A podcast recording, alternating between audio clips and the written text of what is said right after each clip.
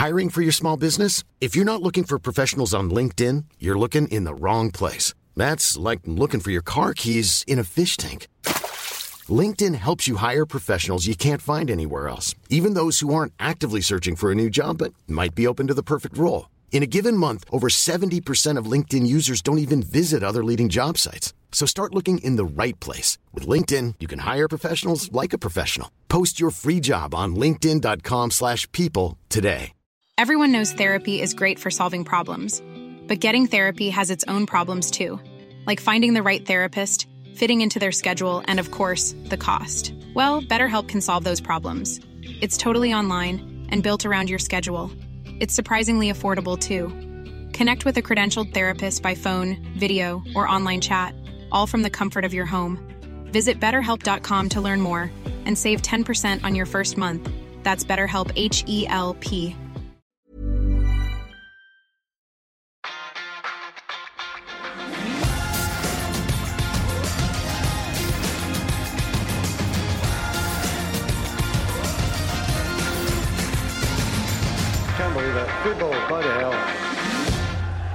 Ny mandag som er så blå at det er vanskelig å sette ord på det. Manchester United gikk sluker av banen på St. James' Park 2-0. Lang tur hjem til Manchester. En skrekkelig forestilling. Eivind og Fredrik, eh, hva gikk galt, og hvorfor? Eivind? Vi trenger i hvert fall mer drahjelp eh, om vi skal eh, ta oss forbi Sofie og Fetisha på Spotify. Det er det ikke noe tvil om, for det har jo ikke vært bare medvind siden vi satte oss ned i studio her. Nei, men det må vi eh, ikke ta til oss, men eh, vi må Stå i det. Ikke, ja, vi må stå i det. Eh, og ti år med trening har vi jo uh, i, i motgang og nederlag og elendighet, så dette skal vi takle. Uh, men det var krevende å se på det som foregikk i Newcastle, Fredrik. Vanskelig å være uenig i det, Jon Martin. Jeg har jo den siste uka forberedt meg mentalt på at det skulle ligge under 2-0 til pause, få juling osv. Så, videre. så heldigvis hadde jeg på en måte tatt Fikk en opptur, du, siden det bare var Nesten. Ja. At, det var bare, altså, 0-0 ja. til pause og, og sånne ting. Men uh, det var faktisk som jeg frykta. Fordi jeg føler at dette laget mangler mentaliteten til å tåle en sånn type opplevelse som de får i går. Med, et, uh, med en hjemmefans som er så elektrisk, med et krigerlag de møter. Jeg føler ikke at United er rusta til å tåle det per nå, spesielt ikke uten Casemiro. Eh, et gufs fra fortiden, det ser på en måte ut som et Ragnhild-lag utpå der. Eh, og så har jeg vært forberedt på at Ten Hag blir på en måte litt straffa i går, han, for at det har gått så fort og så bra så lenge. At man har kanskje trodd at det båndnivået her, det har ikke United. Men jo da, det har de fortsatt. Så man må på en måte tåle at det skjer innimellom. Eh, jeg var egentlig forberedt på at sånn skal det svinge med Manchester United i Ten første sesong. Men det gikk så bra så lenge at dette blir en sånn derre wow. Hadde faktisk dette i seg. Ja, men Det er noe greit å tape fotballkamper og være dårlig og sånn, men det er noe det der klassisk å mangle det helt elementære. Det der, Tilbake til det gufset fra fortiden, men det der, at, at de liksom De er ikke til stede! Altså, det er eh, de, de, de takler ikke motgang. Det er en sånn Nei. ryggradsløs gjeng, og det irriterer meg så jævlig, unnskyld språket. Eh, Det er det, du ser det med én gang! Altså når Manchester United har en sånn dag. Med én gang skjønner du hva slags match dette kommer til å bli. Uh, og eh, det irriterer meg. Beklager, Eivind, men forklar meg hvorfor. Vi har snakka om det lenge, at den kollektive selvtilliten til Manchester United er så spak. Eh, og nå er det litt vrient å skjønne hvorfor. Det er kanskje det som frustrerer aller mest. Men vi satte jo opp varseltrekanten her før landslagspausen. Vi var innom det. Det er en tøff kamp mot Newcastle der. Og du så jo, det var jo noen på St. James Park som hadde tatt vare på det de fikk utdelt på Wembley, åpenbart. For det, det var en ny finale for de. Det var jo TIFO på alle fire tribunedeler, og det var Eh, altså, alt det vi snakker om at United-laget mangler, da, det har jo Newcastle. Eh, altså resilience, character, alt det her som de elsker å snakke om i, i, i England. Eh, og vi sa, du snakka jo om det i en tidligere podkast her, at eh, det er lett å bli slukt av Old Trafford, i hvert fall eh, i gamle dager.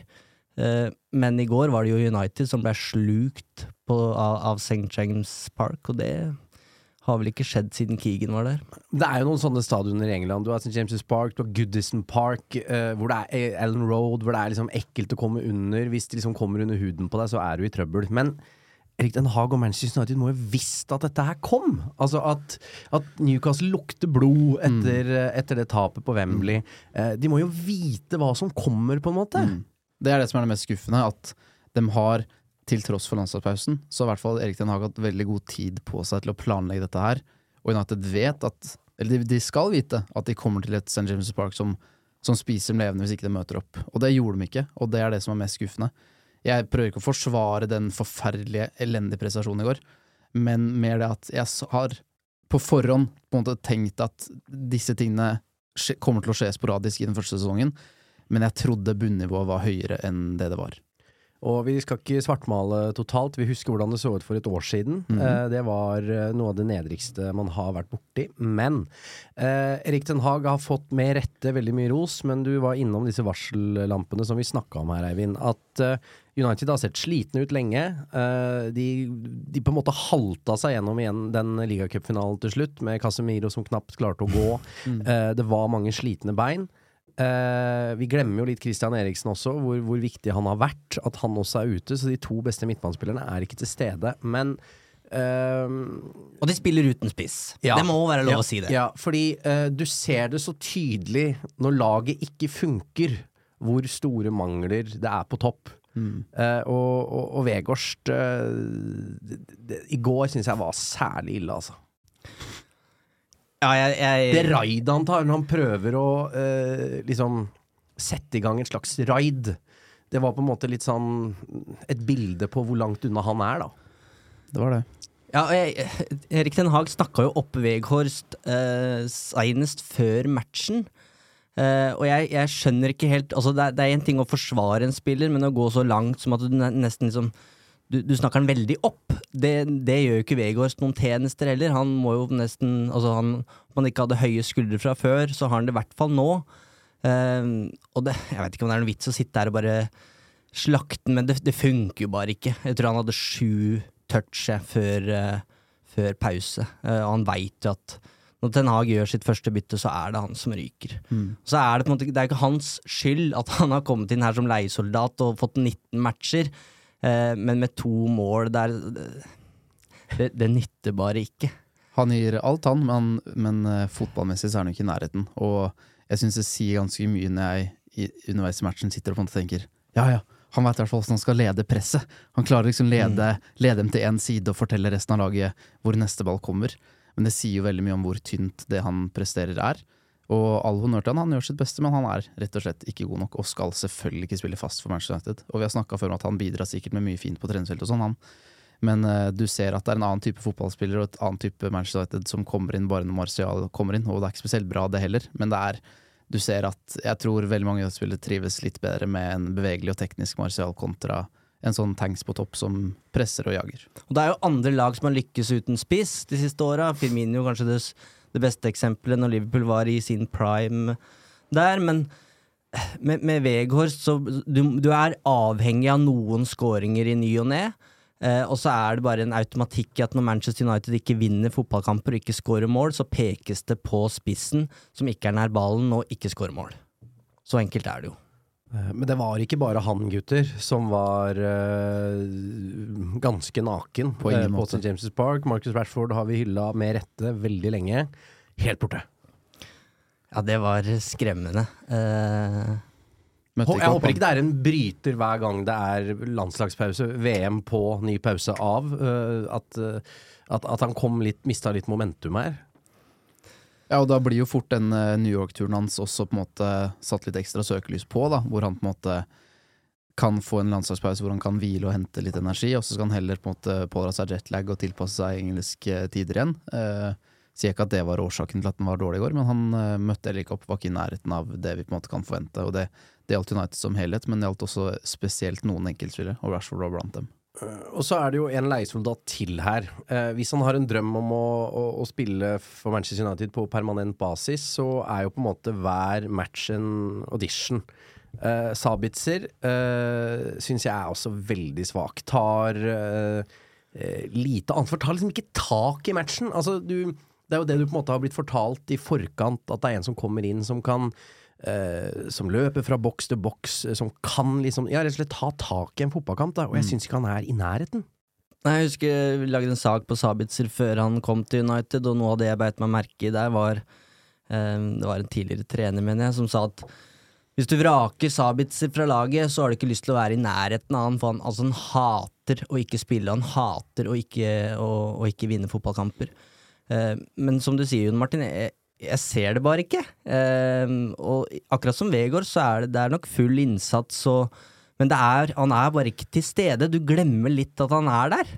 Eh, og det er ikke noe og Uten Casemiro og Eriksen så, så, så blir det for tynt, da, med Sabitzer og eh, McTominay ved siden av en Fernandes som spiller på høy risiko. Eh, men laguttaket, da. Eh, måten han setter opp rollen til McTominay, mm. hva, hva tenker vi der, Fredrik?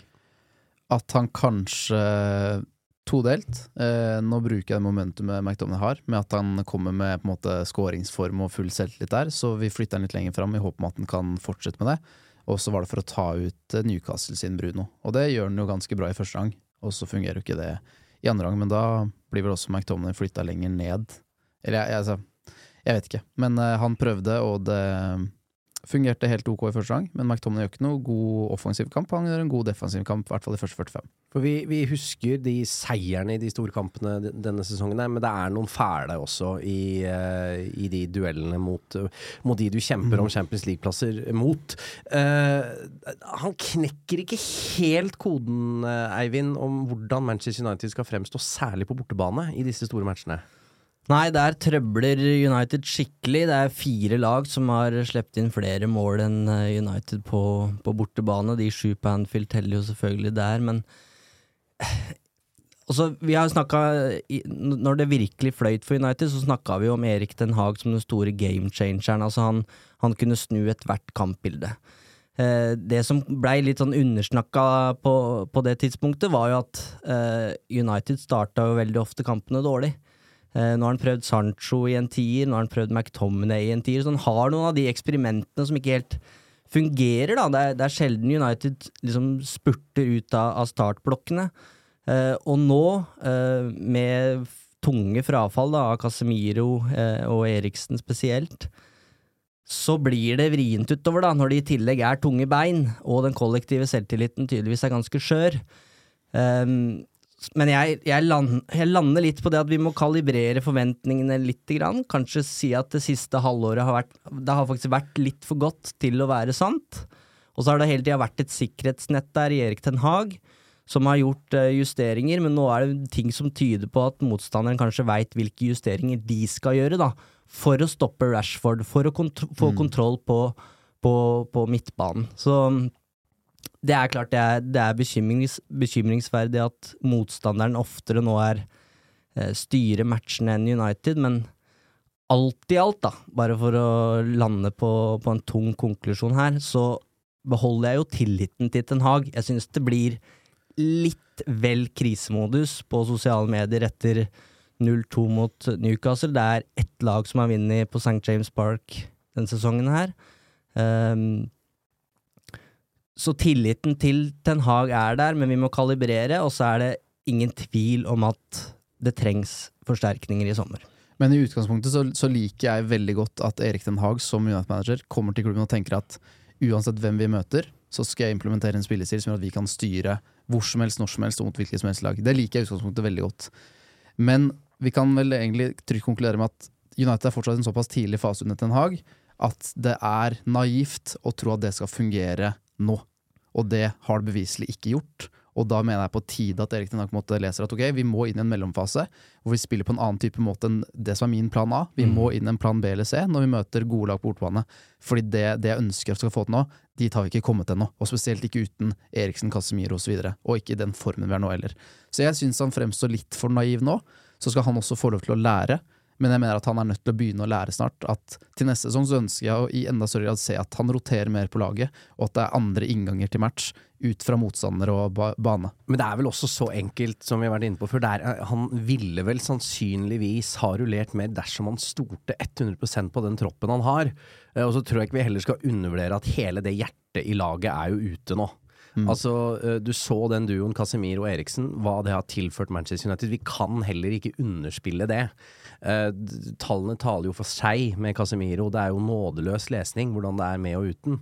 Eh, og så har vi litt sånn glemt Christian Eriksen oppi dette her, nesten. Uh, og eh, når vi snakker om det hjertet, da, så gjør han jo noe rart, syns jeg. Alex Ferguson som snakka om å kaste kjøkkenvasken.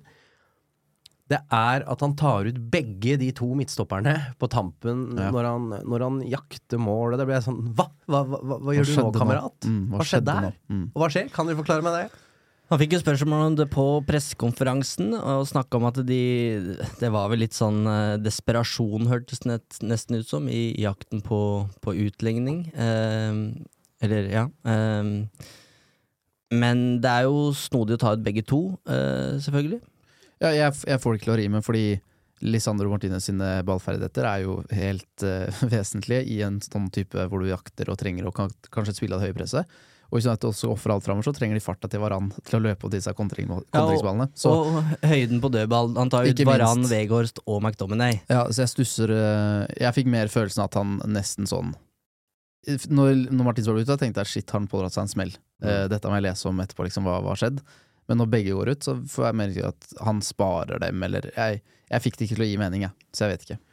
For vi har jo vært eh, innom det der at eh, det- kan bli eh, en agenda etter hvert her, hvor man må ta noen ekle valg. Og nå begynner den Premier League-tabellen å bli veldig ekkel. Eh, så er det Brentford og Everton, Uh, og så kommer Sevilla. Eh, Han må hva, hva, hva gjør han nå? Jeg er glad det ikke er meg. Nei, ja, Jeg tror han kjører på med, med det han har gjort hele sesongen. jeg. Jeg tror ikke det kommer de rotasjonene vi mener må skje, eller Og, og noe i meg hyller det òg. ja. men Men da, liksom- Eriksen kommer sannsynligvis tilbake i løpet av måneden. Ja. Og Casemiro kan jo spille mot i hvert fall Sevilla, og kommer vel tilbake etter hvert, han også. Og da får du på en måte to utskiftninger gratis. Ehm, men nei, jeg ser det ikke skje, og du elsker det. Ja, men det er jo noe med å ha en mann som står og faller på sitt prosjekt.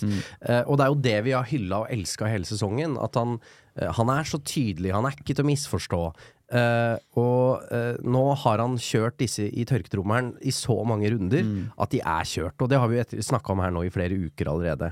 Så det er vel litt naturlover òg som møter Manchester United nå, at tanken er ganske tom. Vi må karre oss gjennom denne sesongen for å se hvor det ender. Ja, og vi i United.no så skriver vi jo våre vurderinger om laget før hver kamp. Eh, og da sitter på en måte og tenker sånn Nå må jo han der hvile, for han har spilt alt det siste. Men så føler jeg meg også litt sånn dum når jeg tenker sånn, fordi jeg regner jo og stoler på at United i 2023 har systemer og apparater som plukker opp når en spiller har eh, Ikke muskelfattighet, altså mus Fatigue. Fatigue. Ja. Ehm, så jeg på en måte Men det de ikke kan måle, er jo spillerens mentale hoder. Altså hvor sliten er de i hodet.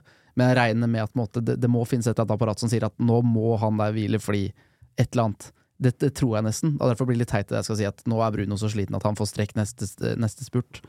Men eh, hodene deres er i hvert fall slitne, om ikke kroppen er det. Det, det, pip, det piper aldri i maskinen til Bruno, tror jeg. Altså Hvis det er tilkobla et eller annet. For det er ikke slitne bein de snakker om i går i Manchester United. Det er jo at de kommer til St. James Park eh, med feil innstilling, eller ikke med, med den nødvendige gutsen da, som du trenger. Eh, Luke Shaw holdt en sånn flammende tordentale omtrent på, på Sky Sports, og Erik Den Haag snakka om det samme på sin pressekonferanse og sa seg helt enig med, med Luke Shaw. Så før de matchene her nå, mot Brentford og Everton og Sevilla, som ikke er enkle matcher eh, Det er jo Sean Dyche i Everton, Brentford er bra om dagen, ligger på, på øvre del av tabellen, og Sevilla har også ny trener. Eh, så utfordringa må jo være nå å mobilisere. Jeg tror ikke han ser på Altså, han vurderer en gang å rotere. Hadde det gått bra mot Newcastle? Kanskje. Men nå tror jeg det bare handler om å nullstille litt. Etter tre ligamatcher uten scoring, uten eh, naturligvis eh, seier. Eh, og så får vi se hva han klarer å, å hente fram på, på treningsfeltet. da. Og sist United hadde en fryktelig prestasjon eh, mot Liverpool, så lot han også de samme elleve få sjansen til å måtte rette opp inntrykket. Så han finner på en måte en unnskyldning til å la samme lag også starte, da. Men hvis eh, topp fire glipper, og Erik Den Haag ikke har rotert på veien her i, i våres, hvis han ikke ofrer Europa League på veien eller gjør noen endringer på laget, så er han jo i trøbbel. Da vil det gå fra å være en ganske god sesong, eller en veldig god sesong, med tittel og topp fire, til å bli øh, Regner jeg med, i engelsk press i hvert fall, vi får se hva vi gjør her i poden, men da er det jo fiasko. Hvis, hvis topp fire glipper nå. Det skal vi faktisk eh, straks eh, snakke mer om. Husk at folk har reist seg i påska før. Det, det, er viktig å ta med seg. Beklager, Eivind, at jeg ikke har latt deg ta fram pianoet ennå, men det skal vi gjøre nå. Kjør jingle. Er dere klar for en ny? Å ja! Oi, for. Glory, glory, Man United. Da kan vi kjøre en quiz. Hvem er det som synger? Jeg hørte det. Jeg hørte ja, det. Det var Alex Rosén. Det var det, vet du. Ja. Uh, er det fra da han uh, sang på Old Trafford, eller? Nei da, dette er uh, i vårt gamle studio. Ja, det er Og nå har vi bare minnene. Eh, veldig, veldig bra. Eh, du var inne på det før vi satte i gang denne vakre trudelutten fra Alex Rosén. Det er Jonas Alexander som spør hvordan blir denne sesongen vurdert hvis det verken blir topp fire eller Europa League-seier? Fredrik. Vi har jo vært innom det. Det er på en måte den bjørnetjenesten Ten Hag har gjort seg sjøl ved å starte så himla bra, fordi det har skapt litt urealistiske forventninger eh, om hvor bra dette faktisk har vært. Fordi det, ja, det starta altfor bra, og så Det starta ikke altfor bra. Nei Eh, da, det nei må da, jeg bare nei virkelig korrigere deg på, for det starta ikke bra i det hele tatt, Fredrik. Det er noe av det verre, faktisk. Jeg husker jo eh, Husker Brenford? Ja da. Ja. Det, jeg vet ikke om du husker den like godt som meg, for du, så den, du var vel på Kompani da? Nei, den rakk akkurat den. Du rakk den, ja. Det riktig. inn. Det var sånn ja, det var. Ja. for jeg hadde så dårlig selvtillit inn der. det, det skjønner jeg. Ja, nei, men eh, Nei, det starta ikke så bra, men det utvikla seg til å bli veldig bra. Og så eh, var det på en måte Vi fikk, eh, vi fikk alt vi ville ha, og mer til, egentlig. Um, og nå er vi på en måte der vi trodde at vi ikke var At det ikke er mulig å falle tilbake til. Nei, men nå svarer du ikke på spørsmålet mitt. Sorry, hva spurte du om Eh, det er eh, hvordan blir denne sesongen vurdert hvis det verken blir topp fire eller europaligaseier? Problemet er jo at vi har Ja. hatt topp fire i lomma så lenge. Ja, ja. Vi snakka om en Og er fortsatt i lomma, bare så det er sagt. Ja, i kveld kan vi være utenfor topp fire. Ja. Hvis Tottenham slår Everton. Nei, det Eivind var inne i stad. Det er eh, Jeg har ikke lyst til å ta ordet fiasko i munnen, men det minner veldig om det. Men da er ja, Spørsmålet var vel også uten Europa League, da. Eh, og da det, det store problemet da, det er ikke det at på en måte United ikke er blant eh, det gode selskapet i Premier League, i, i, i topp fire der, eller at det ikke blir en ny pokal i Europa League. Problemet er jo neste sesong. At da mister på en måte Erik Den Haag en sesong, føler jeg nesten. Eh, da blir det enda en mellomsesong hvor United må konsentrere seg om å komme seg inn igjen i, i eh, Champions League. Så det er det definitivt tyngste, også på, med tanke på spillerkjøp i sommer. Og så er det jo så mange uh, x-er inni det her òg. Det er et oppkjøp som er så sentralt i hvordan sommeren kommer til å se ut. Uh, hvem som skal hentes. Uh, jeg tror jo, altså hvis Manchester United får en bøtte med penger til å kjøpe fotballspillere, så er det ikke så relevant om det blir Europa League eller Champions League. Med tanke på hvilke spillere du skal ha, hvis, enn hvis du hadde fortsatt, fortsatt med Glazer, eh, tror jeg. Men eh, det er klart det er jo en kjempenedtur hvis eh, han ikke klarer det, men jeg må også understreke at det er, det er ingen som vil betvile hans posisjon, vil jeg si. Eh, nesten uavhengig av hvordan det endrer. Han har vunnet det trofeet, det kan vi ikke glemme, selv om eh, man glemmer fort, eh, og det føles lenge siden ut, for det har vært eh, tøft og tungt og seigt etter dette her. Uh, FA-cupen da, må vi også ta inn i beregninga her, men jeg har ikke lyst til å møte Manchester City i en FA-cupfinale nå, må jeg ærlig innrømme. Nei, og Det ville vært en bonus, og så har prioriteringen hele tiden vært topp fire for min del. Og hvis den da ryker, også, eh, da vil på en måte alt annet være en sånn Jo da, men vi bomma på det som var hovedmålet. Og så fikk vi heldigvis en, på en måte en trøst i form av Europa League, eller Carling Cup og sånne ting. Og det vil selvfølgelig være veldig fint for TNA å kunne peke på nettopp det at vi vant. Ikke glem det når de kritiske spørsmålene kommer. Men for min del så handler det om at prioen har hele tiden vært å komme innenfor topp fire, og så er det veldig fint å få med seg den på veien. Men United har mislyktes hvis ikke de klarer det denne sesongen. Det er det ingen tvil om. Carling Cup, ja. Den uh, Carabao? ja, Barclays Premier League òg. er eh, eh, Eivind, har du noe mer å tilføre? Du, du var jo litt i gang der i stad og nevnte ordet fiasko. Jeg synes bare det, det blir stadig minna på hvor fort ting eh, snur i fotballen. Altså, eh, etter den ligacupfinalen så, så virka det nesten som det kunne vokse inn i himmelen, det her. Hvorfor skulle ikke Erik Den Haag kunne lede det mannskapet her til Premier League-tittel, liksom? Um, og så er det tre, tre ligamatcher, uh, og som Erik Den Haag han har jo rett når han blir konfrontert med, med den dårlige statistikken i, i Premier League de tre siste matchene, at United har jo også spilt cupkamper mot Real Betis og Fulham og, og vunnet de, så sånn sett, i United er jo et, utvilsomt et cuplag den sesongen her. Um, og jeg tror jo også at med seier i de tre nevnte kampene nå, som alle skal spilles på Old Trafford, så er jo alt snudd igjen. Da er Erik Den Haag frelseren, og uh, får Veghorst et, en, en scoring og Casemiro Eriksen tilbake der, så, så ser det jo straks bedre ut, da. Så, så det snur jo fort. Vi får ta med oss det. Det gjør det. Uh, Jaden Sancho, er det håp? Er han for puslete, eller Thomas? Han er puslete, ass. Det provoserte meg noe helt vanvittig det innhoppet i går. Hvor han bare fra første duell bare hopper unna og trekker seg i alt som minner om en duell. Dette er jo kjæledegga di. Ja, det er det. Så jeg syns det er skikkelig leit. Men uh, det der er ikke det Nei, det, er, det jeg syns jeg er pinlig å se på. Det er, ikke, det er ikke sånn det skal være i det hele tatt. Eh, Og hvis du ikke kan gå i krigen Det er på en måte det du ofte kan gjemme deg bak. Da. Hvis du har en middels prestasjon eller dårlig prestasjon med ballen i beina, så kan, fall- kan Vegårs alltid gjemme seg bak at ja, men jeg løp og kriga, liksom. Mens eh, når Sancho ikke engang kan bidra med det, så blir det for tynt, altså. Men trenger han en rolle å dyrkes i?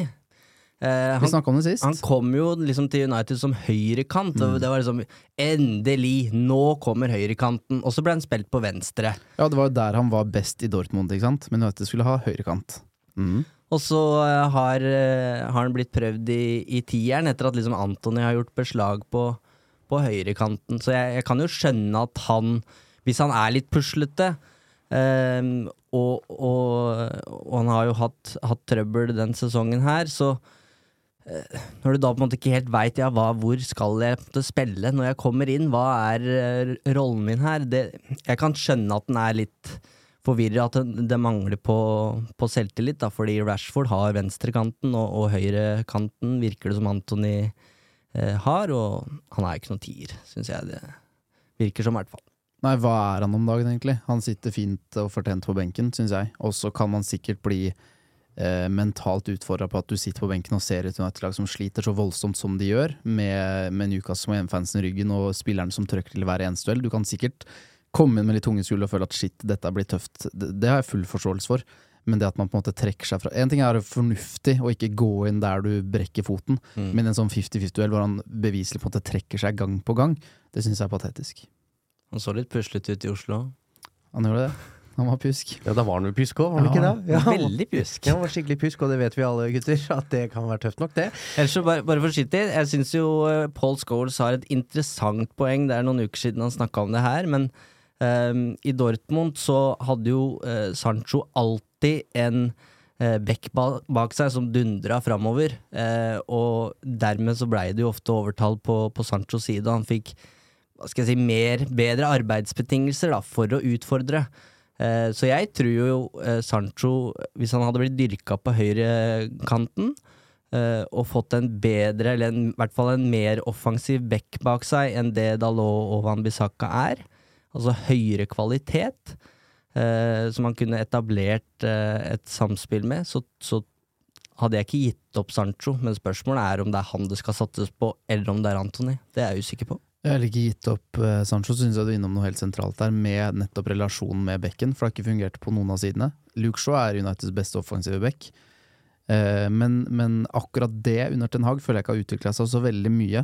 Altså United veldig, begynner å få gode relasjoner midt i banen med utspilling bakfra og sånne ting, men akkurat kanten og bekken har på en måte ikke Jeg syns ikke det har noe tydelig mønster med hva som skal gjøres og hvordan ting fungerer, og det lider også Jadon Sancho av. Bekkene trekker jo inn. Vi trenger en Gary Neville som bare beiner nedover uh, krittlinja, så, kan- så kan Sancho trekke inn. Men eh, apropos høyrebekk, jeg sitter jo litt sånn what could have been når du ser eh, Trippier Mm. eh, for Newcastle. Eh, Veit at han ville til Manchester United. Eh, hele familien hans ville at dette skulle skje. Eh, jeg må innrømme at den syns jeg er litt tung å svelge, altså, når du ser hvor god han er. Ja, jeg ville egentlig bare ha høyrefoten hans, dødballfoten, yndlingsfoten, men han er jo Jeg syns den er veldig bra. Undervurdert. Type. Ja, Liksom, type. Også en type? Provoserende. Ja, Ja. Uh, som, som er litt det derre uttrykksløse fjesene som en del Mm. av disse Manchester United-spillerne har. Jeg må innrømme at når du ser Martial står klar, så, så, så det gir meg ikke energi, da.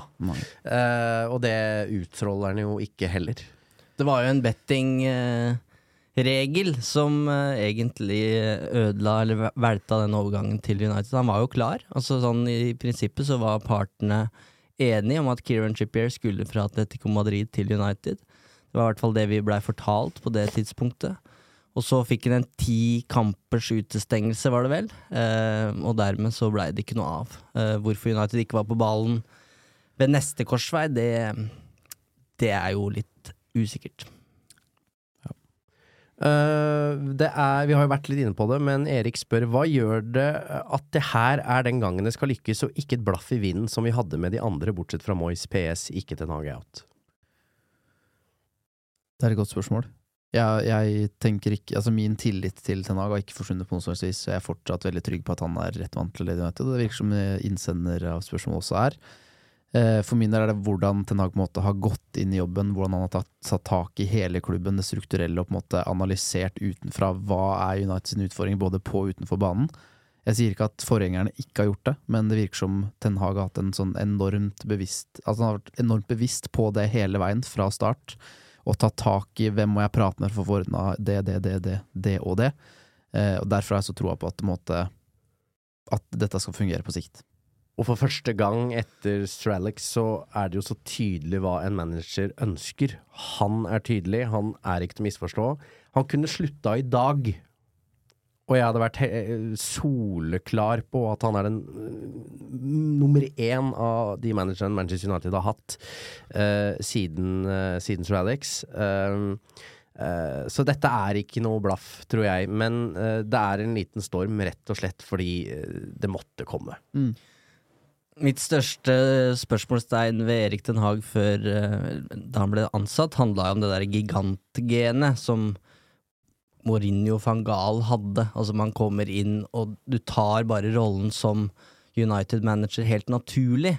Det å komme fra Ajax uten å være egentlig den største profilen i Ajax engang, det er en helt annen oppgave. Men jeg syns han har justert seg på veien. De første pressekonferansene syns jeg var vanskelig å se på. Han ga så korte svar at journalisten blei litt satt ut, og det, det, det blei en veldig sånn klein eh, dynamikk der. Men eh, engelsken holder eh, vann, og jeg syns han står godt i det, altså. Etter det tapet for Newcastle, og også eh, fadesen på Anfield. Altså, han, han står i det. det han, han prøver ikke å gjemme seg. Eh, eh, og det, det for meg er egentlig bevis nok på at han har kapasitet til å, til å, å lede United, da, med det presset det innebærer. Så for fotballtreneren Ten Hag, null spørsmål i det hele tatt. Enig, og den tydeligheten hans kommer han veldig langt med og er veldig tjent med. Han sier ofte det fansen ønsker å høre etter et tap. Han, han sminker ikke eller pynter på det. Og det, journalistene får også sånn herre 'Nå er jeg klar til å ta han', og så får de på en måte et svar som avliver oppfølgingsspørsmålene, da, ved at han å ja, han er selvkritisk. Han, han tar spillerne på en rettferdig, men hard måte. Eh, det syns jeg også er veldig befriende og helt nødvendig. Eivind? Rosén, eller? Nei. Nei takk. That's football heritage. Ja, Nydelig, Eivind. Jeg liker den Mourinho-jingeren bedre enn Rosén, men alt kan endre seg, og jeg gleder meg til det kommer nye trudelutter utover eh, våren. Eh, vi skal ikke slippe Newcastle helt ennå, dessverre. En som holder Manchester United eh, inne i kampen lenge, er jo David De Gea, omdiskuterte. Eh, David De Gea. eh, Det er noen nydelige redninger der, eh, Fredrik, eh, men du la også merke til en detalj. Ja, Vi kan først rose den for de redningene. Det vet vi at den er god på. Det Der er den best. Der er den best, og det, det må vi huske å rose den for når vi på en måte også setter og stiller spørsmålstegn ved, ved de andre tingene som han ikke er fullt så god på. Det jeg legger merke til i matchen i går, som fascinerer meg og irriterer meg, og som jeg sitter, jeg sitter i den som et stort spørsmålstegn, det er når United får femmetere. Og Martinez og Varan viser tydelig at denne ballen vil vi ha. Og så bruker United lang tid, og så slår de til slutt langt. Da blir jeg sittende med Er dette et grep hvor Ten Hag har sagt at ok, vi lokker Newcastle fram, så slår vi den lange, og så satser vi at Vegårs vinner den, og så får vi kanskje kort vei til mål? Eller trosser De Gea nærmest ordre, og bare Jeg er så ukomfortabel med dette her at jeg, jeg, jeg gjør ikke det som dere vil. Jeg orker ikke å drive og prøve å spille av dette høye Newcastle-presset, så jeg bare slår den langt. Jeg lurer oppriktig, fordi det kan være fint å gjøre begge deler, og, og variere og veksle hele greia. Men det virker så tydelig at Martinez og Varan på en måte er uenig. Nei, men gi oss den ballen, da! Og hvis det er skuespillerprestasjoner, så skal det hylles for det også. Men jeg, jeg lurer, og jeg lurer på hva dere tror. Om det er bare jeg som sitter og lurer på dette sjøl. Jeg tror han har fått beskjed om at hvis du kjenner at eh, desperasjonen tar tak i eh, kroppen, så må du spille langt, for det har vært så mange feil nå. At når Digea føler at nå må jeg trykke på den røde knappen, så tror jeg han har lov til det. Men det er jo også et kjempeproblem i så fall. For hvis Ederson og Alison på en måte føler seg ukomfortable, så det, Og det tror jeg ikke de gjør. Men når de slår den langt, så er det fordi at det er en, de skaper en skåringssjanse ved å dunke den over eh, midtbanen, så at spillerne kommer alene keeper. Den kapasiteten har jo heller ikke DIA Ja, det blir liksom verken fugl eller fisk. Nettopp. Og vi veit at Vegård selv ikke vinner den duellen, til tross for sine mange centimeter på strømpelesten. Så det, United får den bare rett i fleisen. Og jeg er enig i at jeg sitter med litt høye skuldre nå i at jeg skal spille så bakfra, men det er jo filosofien. Det er jo det United ønsker å gjøre, helt åpenbart. Og der er De Gea fortsatt, og kommer til å være, et problem eller en utfordring, og det står jeg ved. Men jeg bare lurer på om man på en måte trosser ordre, eh, eller om man blir så ukomfortabel som du snakker om. For da syns jeg også det bare viser hvilket gigantisk problem det er. Hvis, hvis du føler deg stressa, Digga, så bare banker du langt, men da veit du at den kommer like fort tilbake igjen. Tror ikke du lever lenge hvis du trosser ordre til Ten Hag på banen. Altså, vi veit jo hvor streng han er på tid. Så har han fått instruks, så tror jeg han bør følge den. Men uh, det er jo åpenbart et problem, og den kampen her igjen belyser jo uh, the good and the bad ved, ved David Igea. Det er to fantastiske redningssituasjoner, og så er det gjennom hele kampen. Det var tidlig i matchen også, så har han nesten en, eh, en ball som er sikkert til Isak eller eh, en av de andre foran der, som, eh, som plukker den, så den kon de to kontraktsforhandlingene der, det, altså begge parter har på en måte gode kort på hånda. Um. Jeg er enig, det er en vanskelig situasjon, og vi har jo vært innom det tidligere. Men skal dette prosjektet fullbyrdes, så er det nok en annen keeper som må stå i mål for Manchester United. Dessverre. Jeg er helt enig. Okay, men skal, da, da må du jo kutte strengen nå. Og Det det, ser jo ikke ut som det er i ferd med å gjøre. Med de pågående måte. forhandlingene Nei. hvor begge parter skal være positive til at dette skal gå helt i orden. ja, og disse kontraktforhandlingene er jo et spill, det veit vi av erfaring. erfaring. Eh, det kan hende han går ned i lønn. Han bør ned i lønn eh, for at dette i det hele tatt skal være aktuelt. Hvem vil ha han? Det er jo ikke gitt at eh, Fotballen har utvikla seg veldig fra han begynte som kom som en spjæling til Manchester United. Eh, det kreves mer i keeperrollen nå enn da. Eh, så dette blir veldig spennende, men igjen det, det lukter eh, Jeg tror ikke at den dagen eh, Erik Den Haag forlater eh, klubben, at jeg tror ikke David De Gea står i Manchester United i fire-fem år til. Det tror jeg ikke. Nei, og problemet med DG også, og United nå til sommeren, er jo at United kan ikke bruke 70 millioner euro eller pund eller dollar på en ny keeper. Det har de ikke penger til, tror jeg. Sånn, de, hvis vi tenker på at de skal hente seg en spiss til 100 mil, de skal ha Bellingham til 100 mill. Da, hvis, prioritet, hvis prioriteringslista er sånn, da, så tror jeg ikke United heller har råd til å hente den keeperen de lyst til, og da må de sannsynligvis leve videre med DG, sånn som jeg tipper det blir. Leve Eh. videre med en keeper som tjener 350 000 pund i uka. Ja. Ja. Satse på Jack Butland, da. Akkurat. Da må jeg i hvert fall ha ny jingle. I just love United. Ok, det drar seg mot slutten her. Brentford neste Paul Trafford. Mange har spurt om eh, midtbanen. Hvordan bør eh, Erik Den Haag stille opp den når Brentford kommer på besøk? Jeg vil, eh, jeg vil i hvert fall ha Fred inn.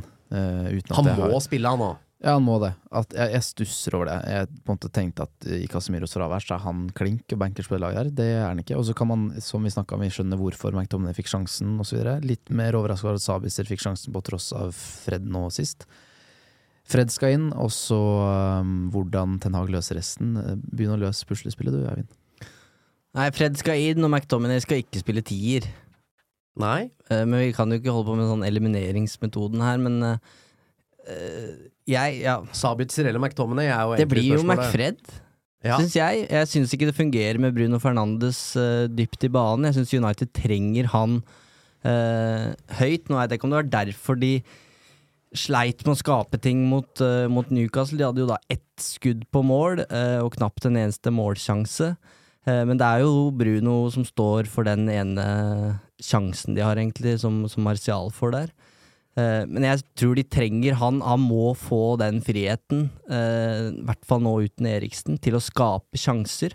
Og så får McFred gjøre den jobben de har gjort i noen år nå, og tåle litt kritikk eh, fordi det har vært litt kaotisk og ubalansert der, men ja, det blir feil å kalle det trygge, men kjør nå på det der du veit at spillerne får spilt på sine styrker, da. Det er min umiddelbare tanke.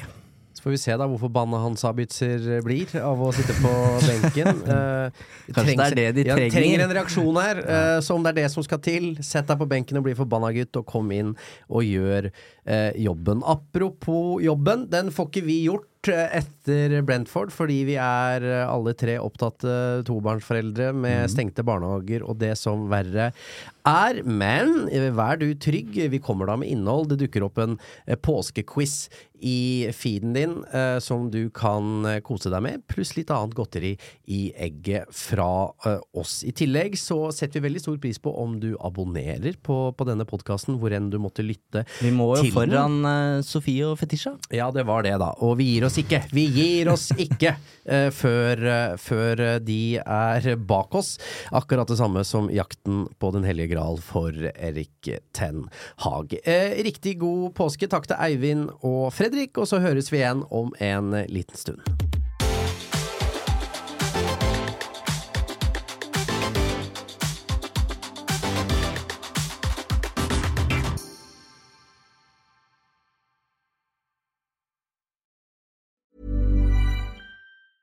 Planning for your next trip? Elevate your travel style with Quince. Quince has all the jet setting essentials you'll want for your next getaway, like European linen, premium luggage options, buttery soft Italian leather bags, and so much more. And is all priced at 50 to 80% less than similar brands. Plus, Quince only works with factories that use safe and ethical manufacturing practices.